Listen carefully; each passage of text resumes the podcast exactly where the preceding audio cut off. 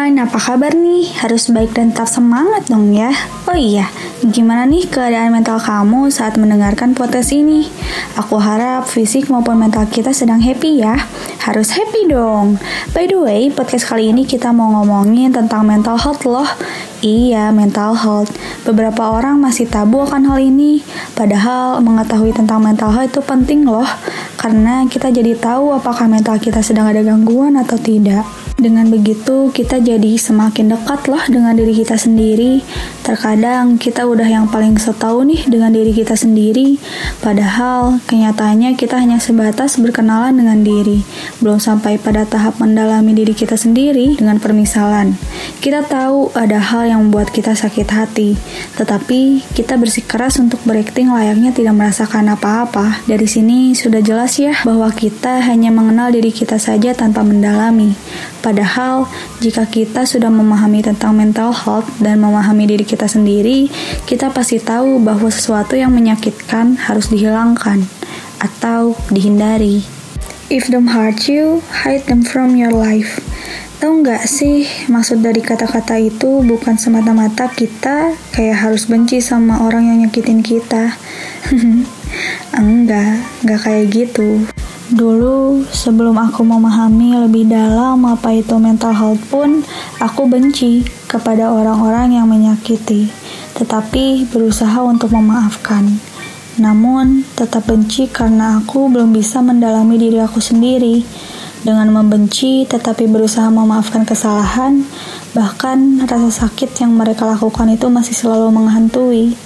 Itu semua bikin aku jadi overthinking, stres berat, dan itu ternyata nggak baik untuk kesehatan mental. Setelah mempelajari apa itu mental health, membuat aku jadi orang yang sangat menghargai kebahagiaan diriku sendiri. Aku akan terus melakukan apa pun yang membuat diriku bahagia, tetapi tidak mengganggu orang lain.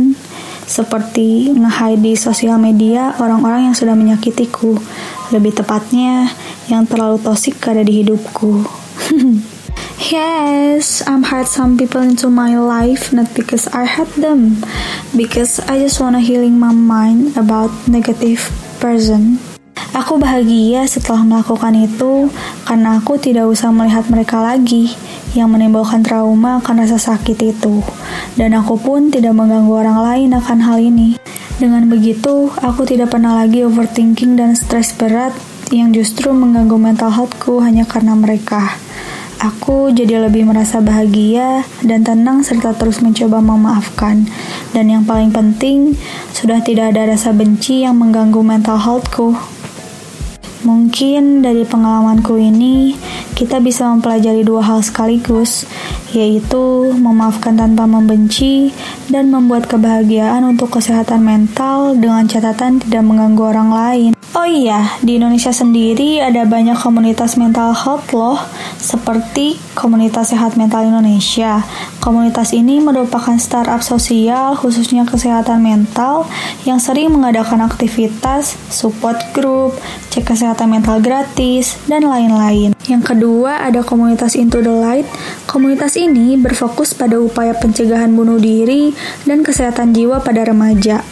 Selanjutnya ada komunitas Bipolar Care Indonesia yang menjadi wadah untuk penderita gangguan jiwa, caregiver, gangguan bipolar yang memberikan edukasi dan bekerja melalui program psikoterapi. Dan ada pula komunitas Depression Warriors Indonesia yang berfokus dalam mengeliminasi stigma buruk mengenai depresi, berupaya untuk mengedukasi dan menyebarkan kesadaran terhadap masyarakat Indonesia bahwa depresi bukan merupakan hal yang tabu dan mencari pertolongan kesehatan psikolog atau psikiater merupakan hal yang pantas dilakukan. Komunitas-komunitas tersebut sangat membantu kita loh untuk mengetahui lebih dalam tentang mental health dan mensupport orang-orang yang terkena gangguan mental agar tetap semangat menjalani hidup.